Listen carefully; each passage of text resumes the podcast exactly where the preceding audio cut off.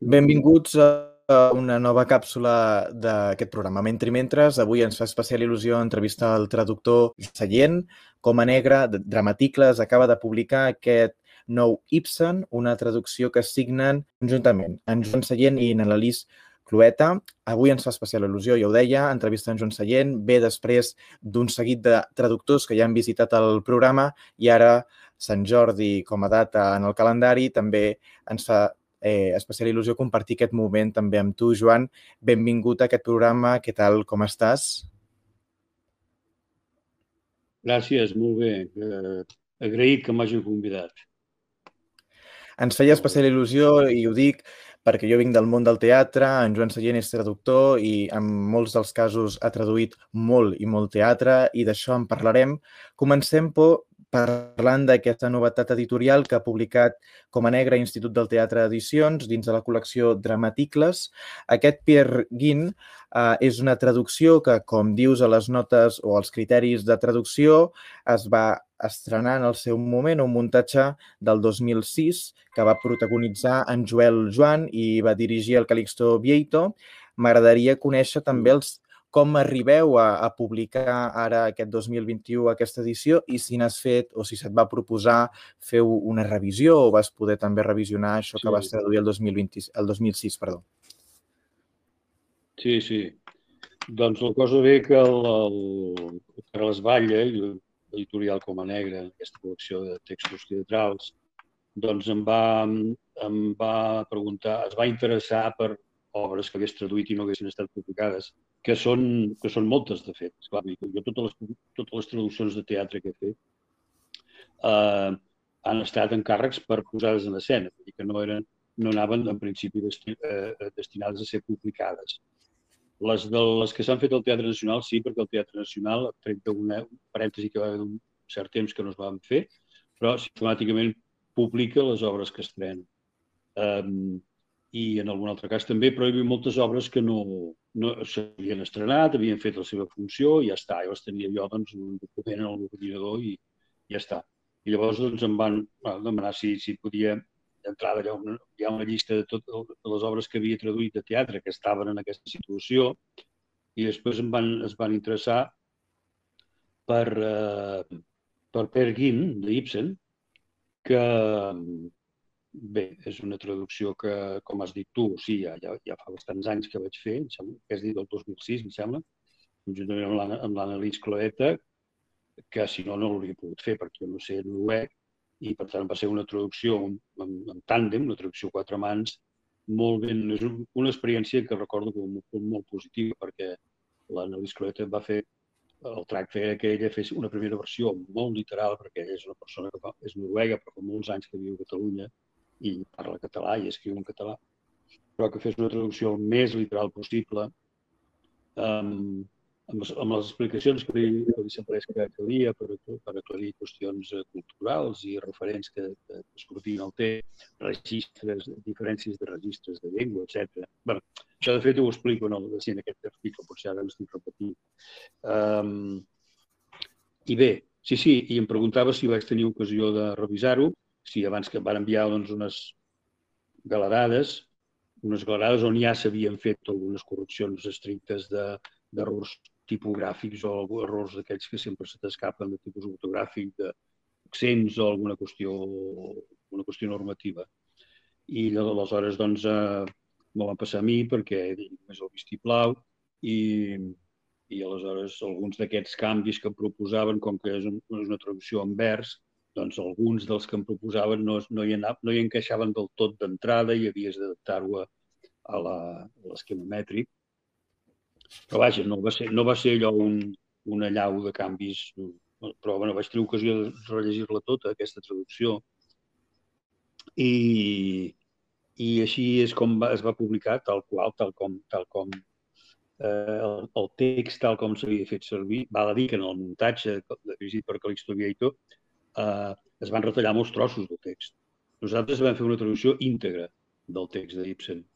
Aleshores, això és molt habitual, ja, ja si coneixes el món del teatre ja ho saps, a l'hora de posar en escena doncs es, es, es treuen coses, es canvien l'ordre de les escenes i es fan una sèrie de canvis, però normalment l'encàrrec que es fa al traductor és que tradueixi el text íntegre.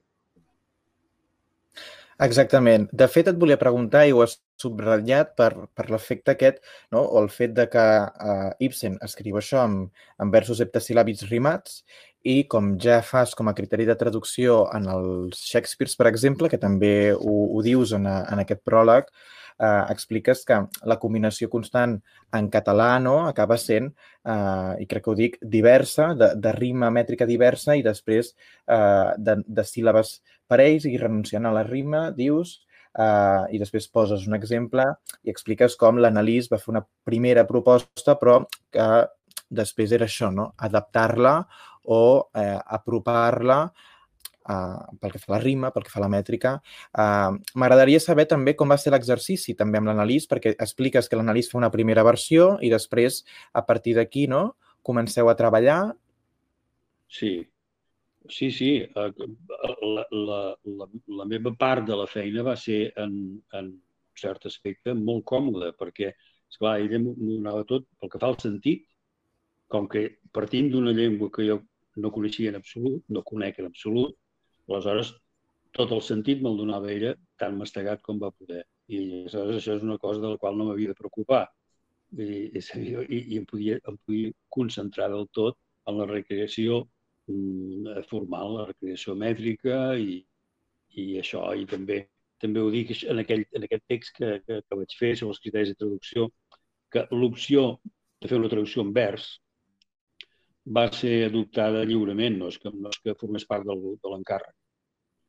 Però a mi sempre m'ha semblat que quan un text està escrit en vers, encara que quan el tradueixis no t'ajustis el mateix nombre de versos, les fronteres de vers, el mateix, fins i tot el mateix tipus de vers que, que seria original.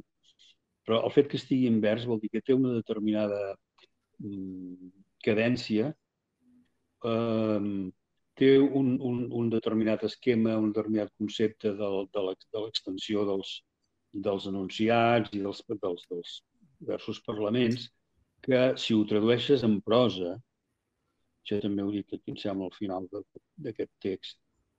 Corre el perill que la cosa doncs, s'allargassi, eh, perdi, perdi eh, ritme i, i, es faci, i es faci més feixuga. Aleshores, jo el que, eh, per, això, per això em sembla mm, molt important que el text mantingui una cadència rítmica, encara que no hi hagi rima i encara que els versos siguin de llargades diferents, però que tots siguin versos i que tots siguin versos en el sentit que s'ajustin als criteris canònics del que ha de ser un vers, de com no n'hi ha prou com, com, que, una, que una frase tingui 10 síl·labes perquè es pugui dir que és un vers de que síl·laba. Ah, hi ha d'haver una distribució dels accents determinada.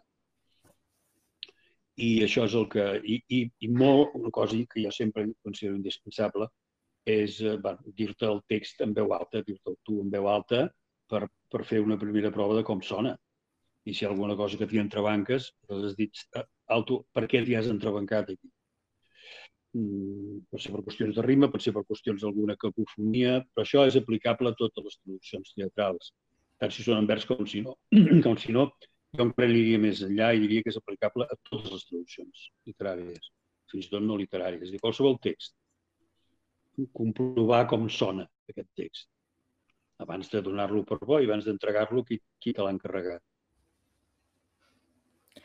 En el context eh, de traducció, sí que és cert que un tema sobre la taula és el fet aquest, no? Per exemple, eh, Club Editor publicava aquest Eugeni Onegin i també no? era una de les primeres traduccions en vers i doncs se li posava l'accent al fet de correspondre al vers inicial, però el Pirgin té un altre afegit, que és una qüestió de registre, que jo recordo una experiència perquè el Teatre Nacional a Londres va eh, representar el Pirgin, ara no recordo si fa 3 o 4 anys, i jo ja em vaig fer amb una edició també això, fa 3 o 4 anys, i se'm va fer molt dificultosa l'edició aquest, aquesta que vaig agafar, que crec que era americana, per la qüestió de registres, pel, pel que el meu anglès, pel que sigui, a nivell de registre col·loquial americà eh, és molt fluix, i doncs aquí se'm va fer profundament complexa i és una de les importàncies que l'Enric Gallent, el professor Enric Gallent, destaca en el pròleg també sí. de l'edició, que no només a nivell poètic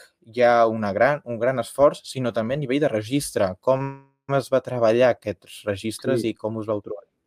Doncs això també forma part del que et deia al principi de la, de la, de la feina que va fer l'Annelies Cloeta, perquè, esclar, jo, si, si, um, si m'arriba un text en català que um, procedeix d'una llengua que, repeteixo, jo desconec del tot, per tant, jo no, jo no em puc remetre a l'original per saber si això ha estat dit amb un to més, més solemne o més col·loquial. I això era una de les coses que l'Annelies ja m'anava indicant aquest fragment o aquest personatge parla d'una manera més col·loquial que aquell altre.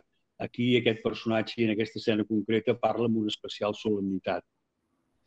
I llavors, eh, a partir d'aquí, doncs jo tenia en compte aquestes indicacions i intentava reflectir-ho, en certa manera, amb la manera de parlar dels personatges. Mm, sempre, sempre en aquest sentit, sempre s'hi perd. Segur que les diferències en l'original estan molt més marcades i, i aquí doncs eh, sí que vaig intentar aquí les diferències, però no són molt... són menys marcades, vaja. Que, eh, el personatge, aquí parla sempre amb un registre bastant col·loquial, però també hi ha moments que es posa més solemne, segons de què ha de parlar i, i quin interlocutor té al davant. Uh, llavors hi ha, per exemple, una escena, una escena d'un d'un enterrament i el, el pastor, el reverent que oficia la cerimònia, fa tot un discurs en lluança d'aquella persona que enterra i d'un caire deliberadament molt, molt retòric, molt, molt formal, amb un punt artificiós. I això aquí ho vaig, eh, ho vaig, intentar, ho vaig intentar reflectir. Però sempre sigui, sigui quin sigui el registre en què parla el personatge, sempre, almenys la manera com jo sempre m'he de treballar, sempre mirant de no oblidar la, la fluidesa que ha de tenir el discurs, perquè va destinat a ser transmès oralment, va destinat a ser sentit, a ser escoltat. I, per tant, els criteris no varien gaire. Sempre evitar cacofonies i frases ambigües o frases de, de Mm, que, que, que l'actor o l'actriu s'hi pugui entrebancar innecessàriament, coses així. Això tant ho trobes en, en registres molt col·loquials com en registres molt formals. Uh, avui estem entrevistant en Joan Sallent. Joan Sallent uh, acaba de publicar aquesta traducció conjuntament amb l'anàlisi Cloeta, el Perguin, però en Joan Sallent ha traduït moltíssim teatre els darrers anys i, de fet, volia aprofitar també l'entrevista per incidir en tota, tota la traducció teatral que has anat acumulant i, de fet, que també has fet moltes conferències, has escrit llibres i has fet moltes xerrades sobre l'exercici de la traducció i sobre teoritzar la traducció, que, com tu sempre has dit, també hi ha un exèrcit de teòrics i també m'agrada molt la forma en què podíem entendre aquest exèrcit de teòrics. Per una banda, aquests que busquen la visibilitat del traductor i, d'altra banda, la invisibilitat del traductor on, on t'hi col·loques tu. No?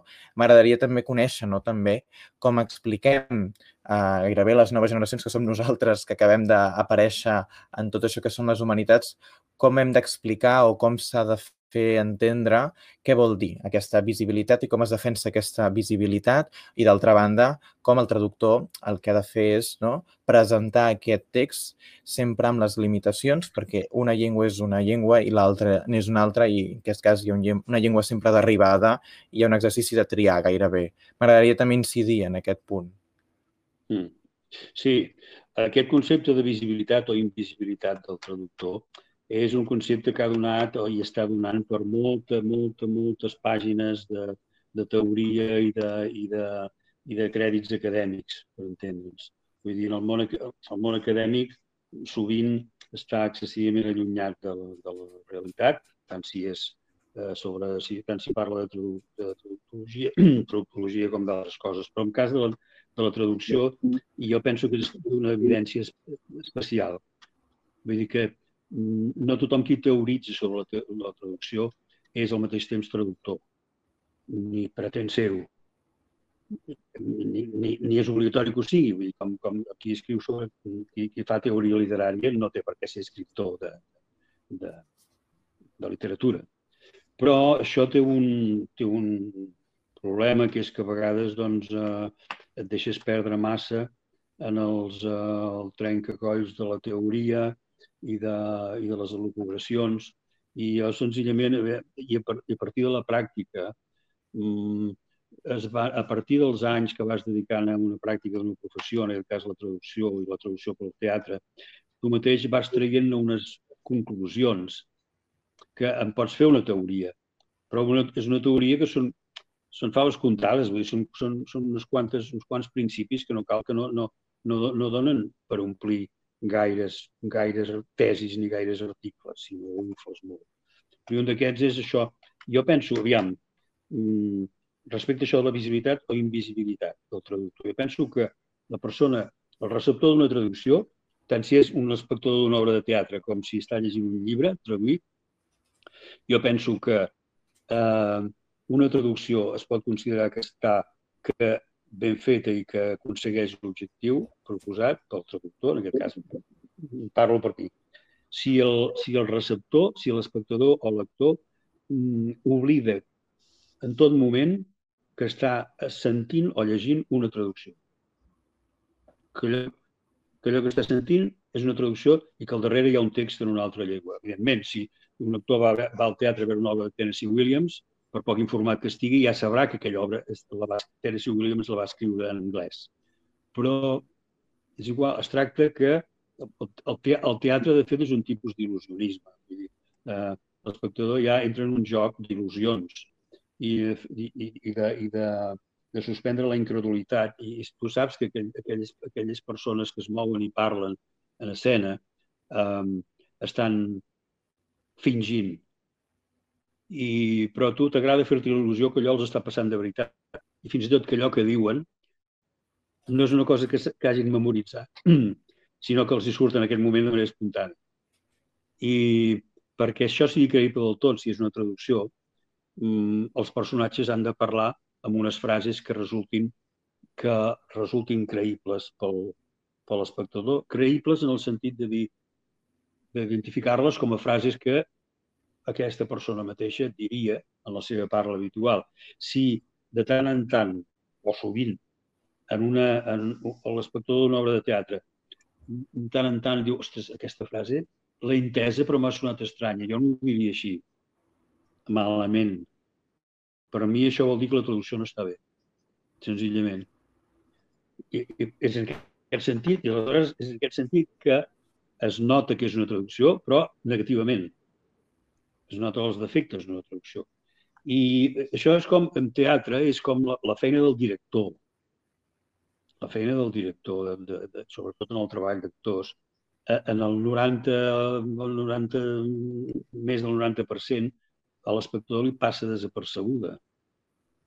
Mm, com, més, com, com més fluid és el moviment dels actors i, de les, i, i, i la interacció en les escenes i, i, els, i els, els moviments que fan i les expressions i el gest, com més sensació d'espontaneïtat donen, més important és la, fe la feina de direcció que hi ha al darrere. Però no es nota. L'espectador, si no és un crític de teatre o algú molt ficat en el teatre, ara aquí el director aquesta frase li ha fet dir mirant al públic, però jo li hauria fet dir eh, d'una altra manera. Això és el que pensarà un, un, un col·lega de l'ofici que estigui veient l'obra. Però l'espectador en general, mm, si un, un actor o una actriu, un personatge, doncs, travessa un espai, s'asseu i llavors diu una frase, mm, l'espectador pensa, ostres, aquesta frase, mm, per què s'ha assegut per dir-la? És a dir, ho, ho interpretarà com una cosa espontània. En canvi, allà segur que el director li ha dit, abans de dir aquesta frase, seu, seu, no sé si, si m'explico prou en aquesta comparació. I en aquest sentit que la invisibilitat, és aquest sentit que jo reivindico la invisibilitat del traductor.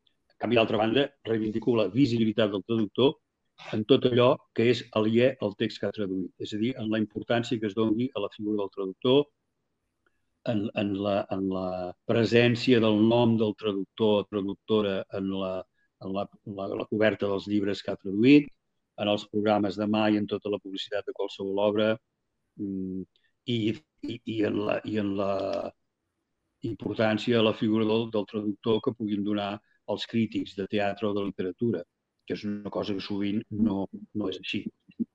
Eh, val a dir que últimament sembla que d'una manera molt lenta, però s'està millorant una mica en aquest sentit, de valorar més la figura del traductor, però tot i així encara jo llegeixo moltes, encara massa, per exemple, crítiques de teatre en què no es, no es fa cap esment de la feina del traductor.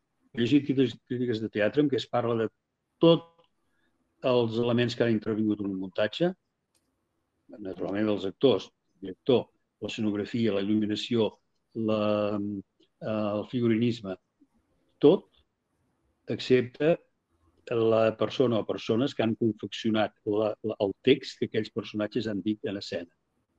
Encara que sigui una, encara que sigui una traducció, eh, les paraules en català, en aquest cas perquè parlem de traducció al català, les paraules que aquells personatges diuen en català en escena les han confeccionat unes persones que no són ni, ni, ni, ni Henry Ibsen, Ibsen, ni Shakespeare, ni Tennessee Williams, ni, ni, ni de Filippo. Vull dir que són persones que han escrit en català.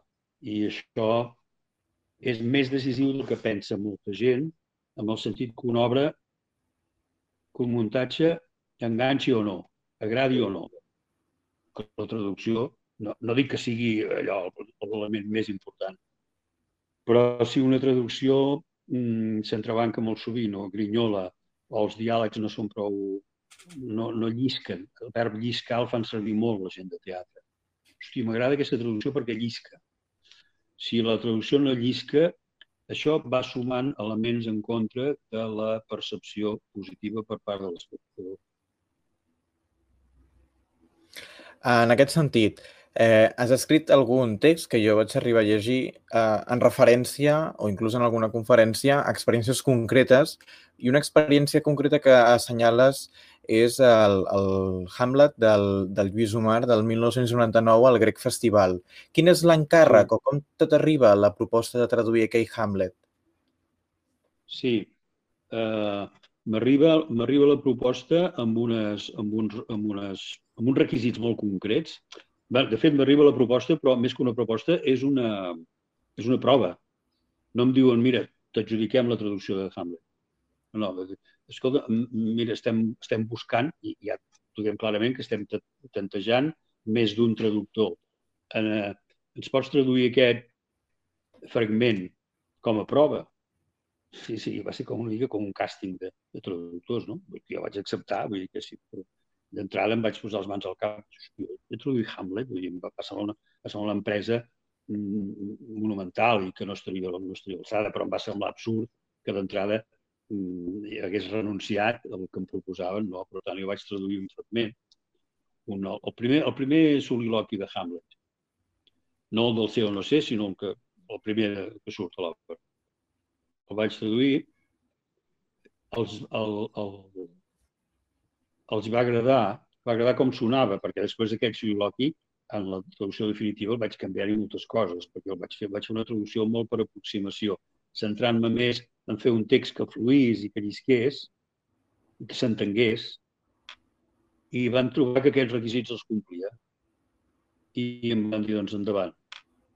Dic en plural perquè un projecte que d'entrada era del Lluís Omar i del Joan Uller, que ho havia de dirigir, Llavors el, el, el, Joan Uller en un moment determinat va abandonar el projecte i, i el Lluís Omar va decidir assumir-ho ell tot. Eh, interpretació del protagonista i direcció. I bé, i en aquest sentit doncs, és com va, jo vaig, vaig treballar i amb una coincidència molt gran d'objectius. Omar li feia molta il·lusió fer un Shakespeare que pogués trencar el prejudici de molta gent que pensa que, ui, Shakespeare, els clàssics, és una cosa que, només en tenen quatre experts i com, com clàssic, per definició, és una cosa que ja no l'has d'entendre. I aleshores fer, sense abaratir-lo més del compte, o sense abaratir-lo innecessàriament, fer un Shakespeare que pogués arribar al més possible a l'espectador. I, aquest, I amb aquest objectiu és com vam treballar, i ho dic així en plural perquè en la, en la traducció durant el procés de traducció va haver-hi molta, molt, molta, molta negociació, molta discussió de, de, de solucions i criteris textuals del mateix Lluís Omar. es va implicar molt en el text. Llavors també doncs, va deixar que jo m'impliqués bastant en el procés dels assajos.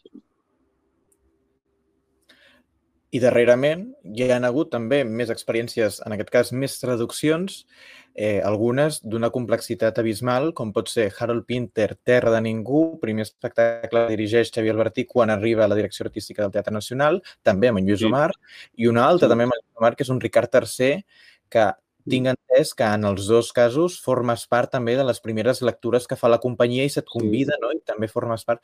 M'agradaria també saber eh, què, què es va coure en, aquella, en aquelles taules, sí. perquè jo hi he estat i són taules d'entrada molt divertides, molt amenes i que realment hi ha molt la consciència de que eh, no passarem per alt cap aspecte del text, no? I com en aquest sentit també eh, el traductor també fa un exercici gairebé eh, de revisió i com si haguessis de defensar gairebé la tesi, no? I en el qual ja des de múltiples visions, els actors, el director i després inclús l'escenògraf, que també hi és, etc etc.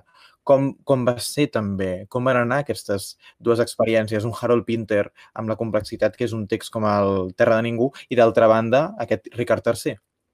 Sí.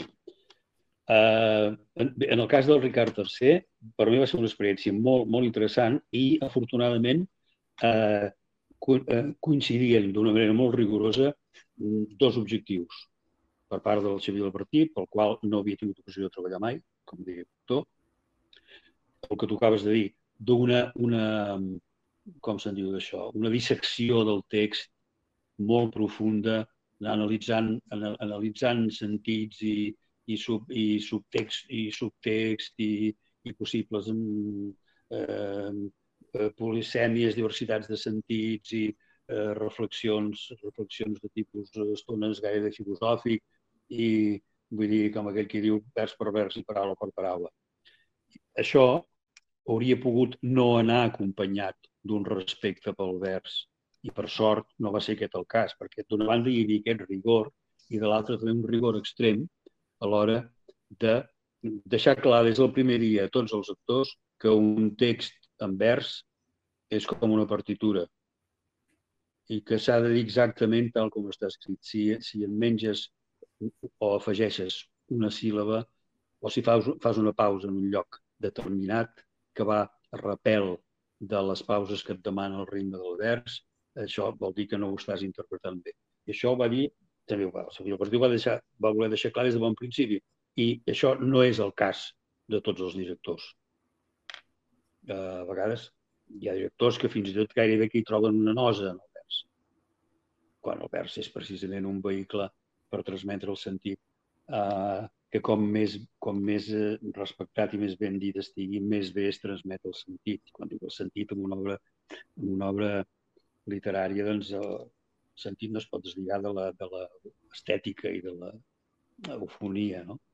Però sí, sí, em va ser molt interessant perquè, es, eh, repeteixo, aquests dos aspectes es van, mm, es es van respectar d'una manera, d'una manera estricta des del primer dia. I, i recordo allò haver anat alguna, en algun assaig i, i en algun descans de l'assaig doncs venia algun, algun actor i dir, ostres, dic, ostres, perdona, però ara aquesta escena que he fet, en tal vers m'he descuidat de dir a, a, a la primera síl·laba.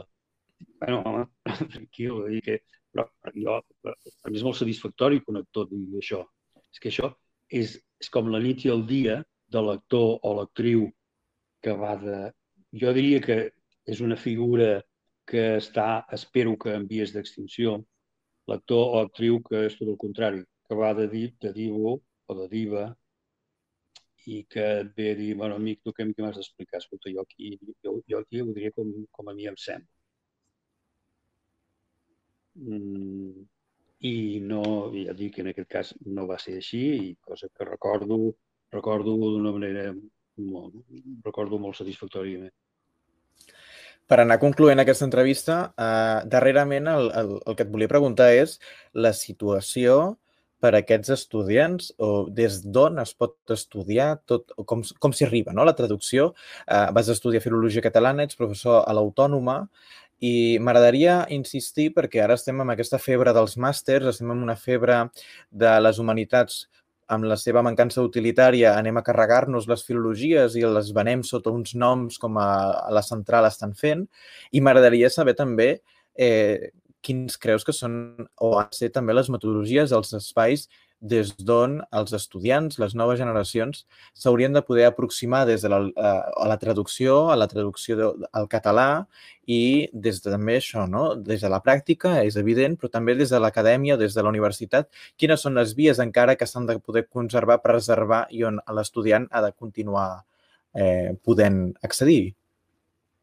Sí, Uh, bé, jo ara ja, ja m'he jubilat com a professor de la, de la Facultat de Traducció Autònoma, eh? Però um, jo penso que en els últims anys la, el camí que està aprenent, i no és pas exclusiu de la, de la Universitat Autònoma ni la Facultat de Traducció, com tu dius, l'ensenyament de les humanitats, penso l'ensenyament de la traducció doncs, és perfectament uh, que s'inclou perfectament en les humanitats. Cada vegada hi ha una tendència a donar-hi un caire més, més teòric i més mm, allunyat dels de, aspectes de la traducció literària, per dir-ho clar. Um, I soc conscient que una facultat de traducció no és una facultat de traducció literària, però, però és que fins al, em sembla que s'arriba, eh, que jo sàpiga, a la Facultat de Traducció de l'Autònoma encara no s'ha suprimit l'assignatura de traducció literària. Però consta, em sona que en algunes altres facultats gairebé sí. Um, això a mi em sembla molt negatiu. Um, la Facultat de Traducció de l'Autònoma és una assignatura optativa. Bé, però parlant de la traducció en general, Mm, jo penso que es tendeix cada vegada a reduir més la, la, les hores la, la importància i les hores dedicades a la pràctica de la traducció.